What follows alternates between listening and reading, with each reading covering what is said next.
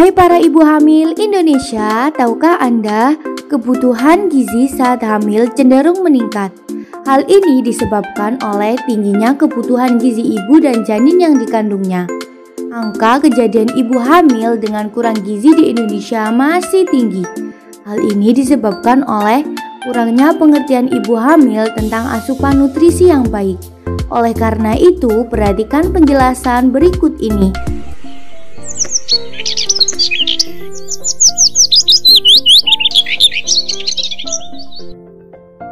Pagi Bu Cantik, Bu Ayu. Gimana kabarnya? Sehat? Alhamdulillah, badan masih sehat walafiat Bu Bidan, sesuai arahan Bu Bidan sebelumnya. Waduh, semakin hamil tua kondisi saya semakin lemas ya Bu Bidan, sering pusing. Oh, begitu Bu. Bagaimana pola makan Ibu saat ini? Saya malas makan bu sekarang, paling sukanya jajan saja. Kayak maklor, otak-otak. Bu Ayu, jajan sembarangan itu tidak baik untuk kehamilan. Coba saya lihat dulu buku KIA-nya. Ini buku KIA-nya Bu Bidan. Nah, kita lihat status gizi ibu sekarang ya. Kenaikan berat badan ibu perlu ditingkatkan. Loh, Bu Ayu, kadar HB ibu kok 9? Ibu hamil dinyatakan anemia jika kadar HB-nya kurang dari 11. Berarti saya anemia dong Bu Bidan, makanya saya kok merasa pusing, letih, lesu. Betul Bu Ayu, anemia ditandai 5L, yaitu lemah, letih, lesu, lelah, dan lunglai. Kehamilan itu merupakan periode emas seribu hari pertama kehidupan seseorang. Ibu hamil memerlukan gizi seimbang untuk kesehatannya dan tumbuh kembang janin. Asupan gizi seimbang juga dapat membantu ibu untuk menjaga daya tahan tubuhnya.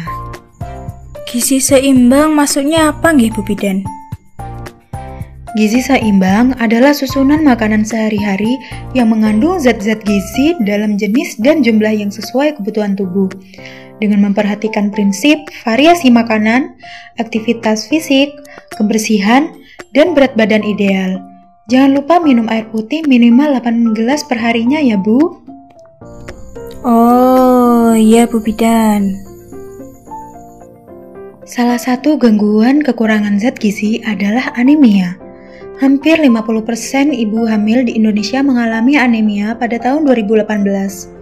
Anemia menyebabkan ibu mudah letih karena zat gizi tidak dapat disalurkan dengan baik ke organ tubuh dan dapat menurunkan status imun tubuh. Gangguan lainnya yaitu kurang gizi pada saat ibu hamil. Bu Bidan, saya bertanya, dampak dari kekurangan gizi pada ibu hamil apa saja ya? Kurang gizi pada ibu hamil dapat meningkatkan resiko melahirkan bayi prematur serta kematian bagi ibu dan bayi. Kekurangan gizi pada anak dimulai sejak dalam kandungan hingga 2 tahun. Untuk itu, ayo kita optimalkan asupan gizi yang seimbang ya. Baik Bu Bidan, selanjutnya saya akan lebih perhatikan. Lalu untuk porsi dan jenis makanan yang benar itu bagaimana?